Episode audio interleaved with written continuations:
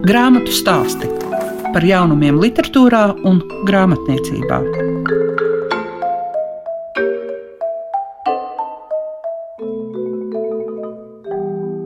Klāt ir ne tikai grāmatu stāstu laiks, bet arī septembris.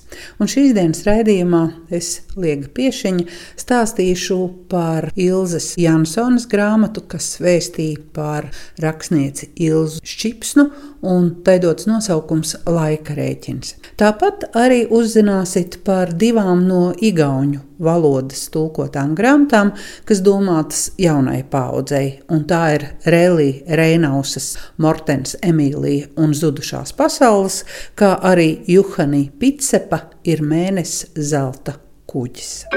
Grāmatu stāsti programmā Klasika. Tīri simboliski ir tā sanācis, ka šobrīd starp Ilzi Jansoni, kura stāstīs par laika rēķinu, par sērijā es esmu iznākušo grāmatu, kas veltīta Ilzai Čipsnai, mēs to laika rēķinu pa vidu esam tā nolikuši uz tāda tumša zila fona dzeltena spilgta grāmata. Kā tas ir Ilze, kad jāraksta par Ilzi, jāraksta par cilvēku, kur no sērijā es esmu iznākušajiem, laikam mums tās informācijas ir vismazāk. Un arī ir jāiejūtas pirmajā personā cita rakstnieka rakstītajā. Tas tev bija grūti? Jā, tas noteikti nebija viegli. Man tas prasīja diezgan ilgu laiku ārkārtīgi palīdzēja tieši tas, ka es lasīju Ilžas Čipsnas vēstules, kas ir pieejams Rakstniecības mūzikas muzeja krājumā. Jo vēstules, protams, viņa raksta pirmajā personā. Tad bija kaut kāda tā sajūta, ka mēs varam saprasties. Savā ziņā caur Čipsnas vēstulēm, un, protams, arī caur viņas daļu literatūru, sajūtu savējo. Un tad jau mums bija vienkāršāka tā saprašanās, un tad arī rakstīšana kļuva varbūt mazliet vieglāka. Bet uh, man šķiet, ka tas lielais izaicinājums bija tas, ka Latvijā Ilza Čipsna zina saujiņu cilvēku. Mana tāda lielākā vēlēšanās, rakstot šo romānu, bija kaut viņu izzināt daudz vairāk cilvēku nekā viņi zina šobrīd. Kaut pēc tā romāna izlasīšanas cilvēkiem gribētos palasīt arī pašu šķipsnu. Es gribētu teikt, ka nevis palasīt, bet lasīt.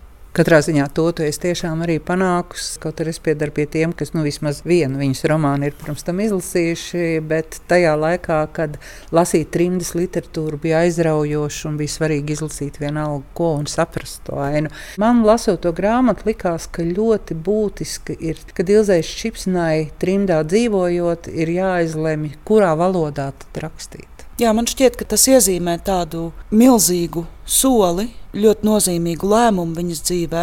Jo tad, kad viņa mācījās radošo rakstīšanu, viņa jau mācījās pie angļuiski runājoša pasniedzēja. Viņai tie radošie mēģinājumi arī bija angliski, un arī uh, viņai ir publicēti stāsti angliski, kas tikai vēlāk jau ir iztulkot latviešu, nu, pēc viņas nāves daži. Un, uh, man šķiet, ka tas bija no viņas puses tolaik ļoti tāds uh, drosmīgs lēmums, un jā, varbūt Neesmu cilvēks, kas ļoti bieži lieto šo vārdu, bet es teiktu, ka tādējādi izpaužas patriotisms, jo viņa saprata to, ka viņa faktiski rakstīs saujiņai salīdzinot ar to milzīgo zemi, kurā viņa dzīvo. Protams, mēs nezinām, kāds būtu Ilzas Čipsnas liktenis, ja viņa būtu rakstījusi angliski, bet tas, ko viņa mums ir iedevusi caur saviem romāniem, tā viņas valoda, es domāju, latviešu valoda, iespējams, bez Čipsnas būtu daudz nabadzīgāka. Tad, ja mēs skatāmies arī uz grāmatas 4. vāka, tad te īpaši arī tiek uzsverts, ka tā ir pirmā latviešu modernā romāna autore. To tā detalizētāk. Jā, šis apzīmējums Ilzai Čipsnai ir uh, radies pateicoties romānam aiz septītā tilta.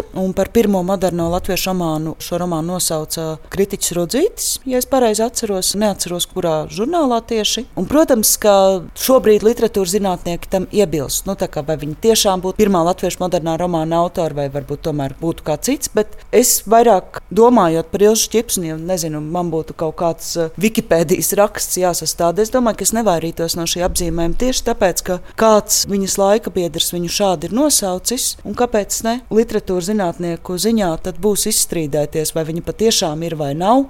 Jā, man, man šķiet, ka pilnīgi pietiek ar to, ka viņš šādi ir apzīmēts, lai viņš šādi varētu saukt. Man fascinē šie vārdi poliglote un bibliotekāre. Kā tas izpaužas, jo mēs jau arī tad, kad lasām vai sekojam kaut kādām trimdas rakstnieku dzīves gaitām, tad ļoti bieži parādās to, ka viņi savu tādu darba vidi meklē bibliotekā, lai būtu tuvāk grāmatām, bet kā tas ir poliglote, antropoloģija, bibliotekāra. Šķipsna jau strādāja tieši zinātnisko darbu bibliotekā. Viņa nebija cilvēks, kas apkalpo lasītājus vai izsniedz grāmatas. Viņa sastādīja bibliogrāfijas rādītājus, pētīja ļoti daudz, un viņas valodu zināšanas un spēja apgūt dažādas valodas es varu tikai apbrīnot. Arī spēju kā, nemitīgi sevi izglītot un censties lasīt tajās valodās, ko viņa apgūst, vai runāt tajās valodās, ko viņa apgūst. Un man šķiet, ka iespējams Iespējams, tieši tāpēc viņas próza ir tik pamatīga un tik dziļa, jo jebkuras valodas kā sistēmas apgūšana veido domāšanu, un viņas interesi arī par uh, filozofiju, arī par uh, antropoloģiju, par vēsturi, tas viss galu galā atspoguļojas prozā. Man liekas, vispār ir tas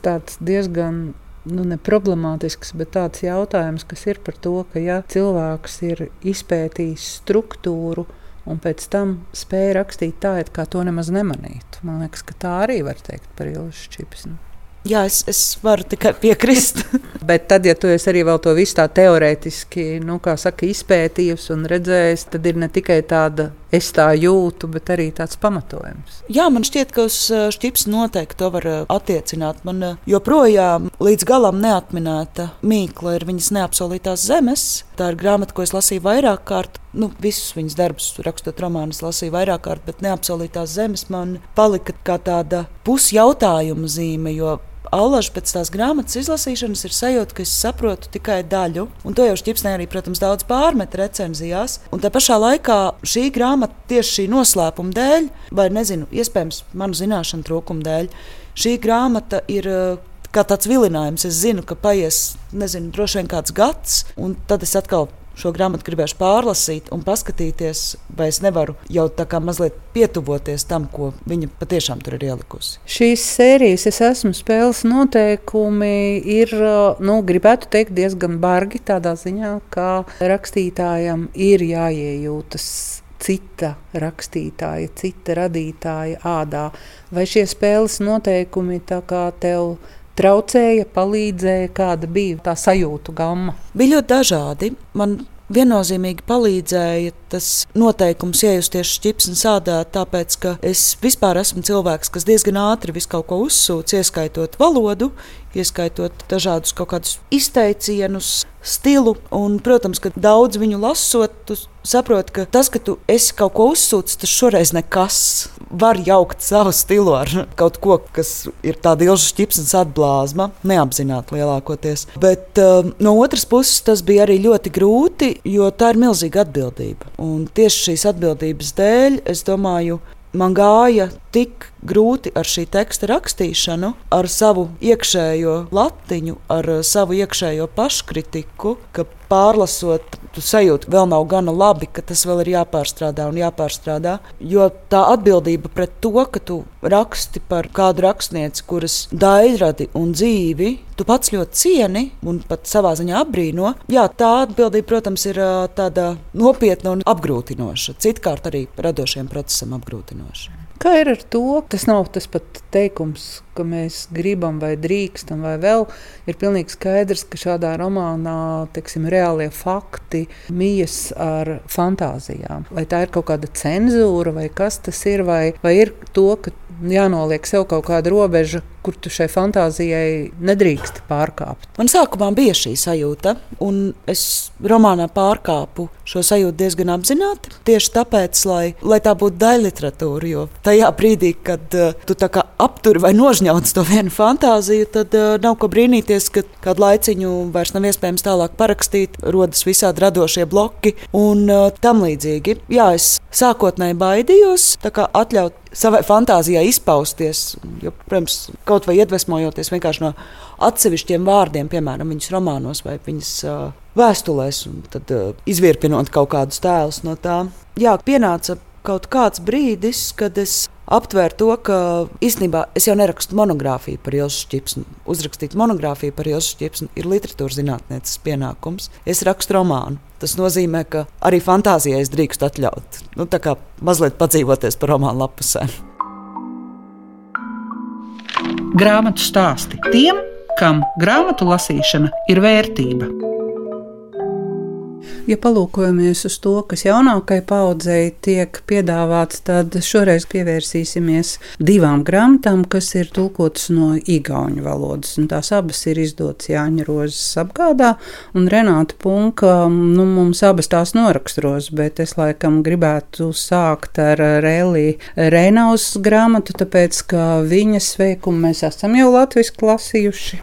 Marks Maģija un Vilkata Vilma ļoti daudz jaunus cilvēkus cilvēkus un arī nobriedušas uzrunāja. Tagad ir jauna viņas grāmata Mortens Emīlija un Zudušās pasaules. Nu jā, droši vien daži varbūt arī pagūda pamanīt, ka Rēlī Reinaus pagājušā gada pavasarī bija atbraukusi uz Ķīpsels grāmatsvētkiem, kad tie toreiz vēl paguva notikt. Jā, viņa arī grāmatas stāstos arī jā, varēja dzirdēt. Jā, tieši tā, un, un, un jau toreiz viņa stāstīja, ka viņa ir gan ražīga rakstniece, kas raksta dažādām vecuma grupām, pārsvarā tomēr tie ir gan gan bērni, gan jau pusauģi un jaunieši.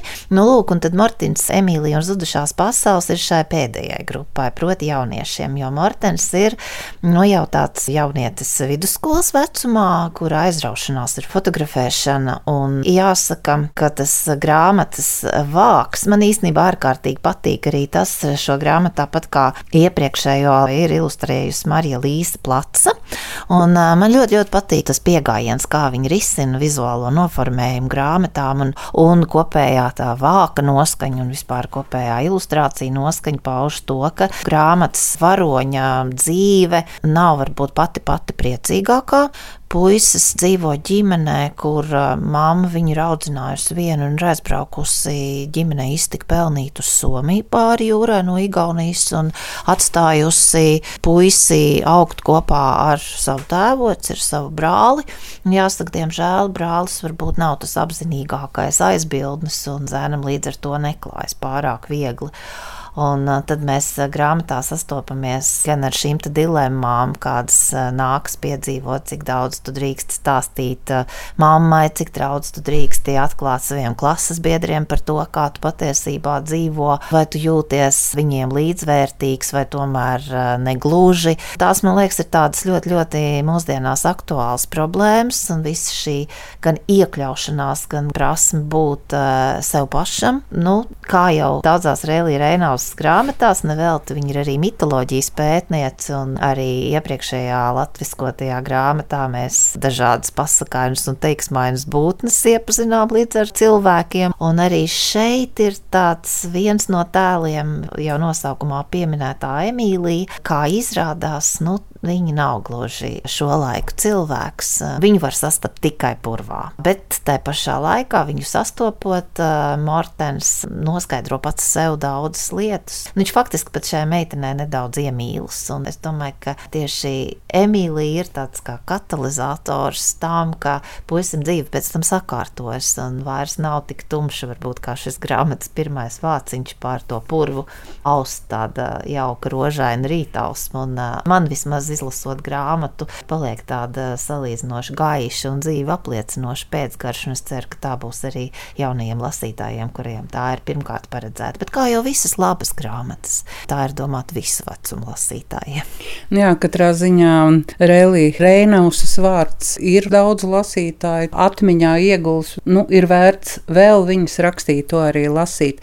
Šo grāmatu ir latviskojusi Maima Grīnberga. Savukārt, ja mēs pievēršamies otrai otrai grāmatai, kur arī ir no igauņu valodas tulkota, un tā ir eh, Juhanī Pitsepa grāmata Ir mēnesis zelta kuģis. Pirmkārt, viņai apzināti ir uh, arī otrs līdzautors, šī gadījumā ilustratora Gundega muzikante, bet vai ir tā, ka tiek pieteikts jaunas tulkotājas vārds šīs grāmatas sakarībā no igauņu valodas, kā ir ar Mariku muzikanti? Nu, man grūti komentēt, vai tas izvērtīsies par tādu ilgu un, un spožu karjeru, bet katrā ziņā Marika muzikanti, kā igauņu valodas pratēji, pietiekami labā līmenī, bija jau no paša sākuma iesaistīsies šajā projektā, kas mums liekas īpaši aizraujošs tieši jau tevis pieminētā tandēma dēļ. Jo grāmatas tapšanas stāsts ir tāds ļoti interesants, savā ziņā saistīts arī ar IBI goda sarakstu un ar Baltā kraukļa grāmatām, jo Juhanī Pitseps un Gundaga muzikanti sastapās šai sarakstā. Katrs no savas valsts, viņu grāmatas, kur Pitseps bija sarakstījis un muzikanti ilustrējusi, bija iekļautas vienā gadā šajā kolekcijā. Līdz ar to, protams, viņi izpētot šo pārējo sarakstu, Juhanī Pitsepam Gundags muzikants zīmējumi bija ārkārtīgi iepatikušies un viņš viņu uzmeklēja. Nu, tā vārdu pa vārdam izrādījās, ka arī viņiem šī Juhanī Pitsepa izraudzītā tēma ir ļoti tuva un caur personīgo dzimtas vēsturi zināma. Un proti, ir mēnesis zelta kuģis, ir rindiņa no senas igauņu dziesmiņas, kur ir saistīta ar braukšanu pāri jūrai. Un arī visa grāmata ir veltīta tādai maz aprakstītai lapusē. Vismaz es domāju, pirmkārt, primāri jauniem lasītājiem domātu grāmatu lapusēs. Proti, ir stāsts par 44. gada rudeni un 45. gada pavasari, kad ļoti daudziem Baltijas jūras piekrastē dzīvojošiem igauņiem un arī latviešiem, protams, bija šī dilēma, ko iesākt.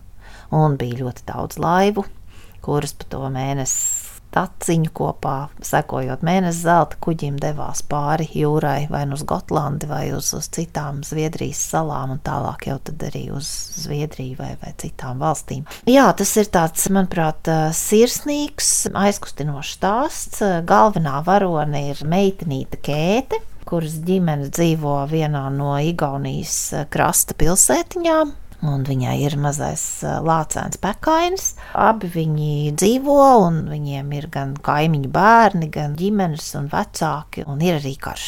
Ir ļoti, ļoti, manuprāt, tā cilvēcīgi un skaisti un, un viegli saprotami aprakstīts tas, ka viens otram neuzdrīkstējās pat godīgi atzīties, kādi ir šo ģimeņu plāni, jo tas bija dzīvībai bīstami. Tāpat dzīvībai bīstami faktiski bija šie braucieni pāri jūrai, un mēs arī grāmatas gaitā redzam, ka ne visiem tie diemžēl veicas tik veiksmīgi kā grāmatas galvenai varonai un viņas ģimenei, un ka nebūtu ne tas stiprākais kuģis vai tas biezākais maks ir izšķirošais, lai tev pasmaidītu veiksmi. Un, nu jā, tā kā tas ir tāds man šķiet ļoti būtisks papildinājums tām grāmatām, kas pēdējā laikā Latvijas lasītājiem ir stāstījušas gan par mūsu pašu vēsturi, gan par kaimiņu tautu vēsturi, gan par mūsu kopīgo vēsturi. Jo tieši tāpat kā Sibīrijas haiku, autors ir lietuvietis, bet nu, būtībā mēs zinām, ka ļoti, ļoti līdzīgs stāsts varēja piedzīvot gan igauņu, gan latviešu bērni. Tā šajā gadījumā arī grāmatā stāsts ir par igauņu ģimeni, bet eh, tad, kad viņi jau nokļūst Gotlandes salā, tad tur, protams, arī ir arī latvieši, un mēs ļoti labi saprotam, ka tieši tādas pašas laivas brauc arī no kurzemes piekrastes un daudzām citām vietām, un varam ļoti labi iejusties to cilvēku sajūtās, kādas, kādas tās bija to laiku. Pilnīgi piekrītu tam, ka Gundaga muzikanti ir absolūti pelnījusi arī būt kā līdzautoras grāmatas vāka, jo man šķiet, ka tās ilustrācijas fotografijas. Kā viņa pati teica, tās ir tādas salīdzinoši netipiskas Gundagas līdz šim zināmajam, tādam ļoti rotaļīgajam, krāsainajam, mākslinieckajam rokrakstam. Atbilstoši grāmatas tematikai, viņi ir tādos ieturētos pasteļu toņos, bet eh, kā jau Gundagai raksturīgi, ļoti smalki izdomātām detaļām, un ir tur, protams, šīs ilustrācijas, ko pētīt, un man šķiet viņas ārkārtīgi labi eh, iederās un gan piešķir dinamiku dinamiku, gan arī mazliet ir tādas vai no ironiskas vai asprātīgas vietām, un, un lieliski papildina to gaisotni, kāda grāmatā ir. Jo grāmata nav nomācoša, nekādā gadījumā nē, tā atkal jau ir par to, ka dzīve turpinās un uh, katrā situācijā ir jāmeklē risinājumi. Un uh, pat pekainis, kurš ceļojuma laikā pazūd, tomēr kopā ar Kētu laimīgi nonāk gan Stokholmā, gan arī Pēc tam ir ar viņu kopā vēl grāmatas ievadu un beigu lapusēs, kur Kēta jau ir Sirma kundze, kura brauc apskatīt pieminekli Baltijas jūrā braucējiem, kas atrodas Gotlandas krastā izskan grāmatu stāsti. Šīs dienas raidījumā bija par Ilzas Jansonas grāmatu Laika rēķins, kas iepazīstina ar rakstnieci Ilzi Šķipsnu, kā arī Rēlī Reinausas grāmata Mortens Emīlija un Zudušās pasaules, kā arī Juhanī Pitsepa ir mēnesis zelta kuģis, tika atvērtas. Tās domātas jaunākai paaudzei, un abas nākušas no mūsu kaimiņiem Igaunijas. Kopā ar jums bija Liega Piešiņa. Uz tikšanos citu reizi! Grāmatu stāsti par jaunumiem literatūrā un grāmatniecībā ik trešdien, 9.5. ar atkārtojumu Svētdien, 18.15.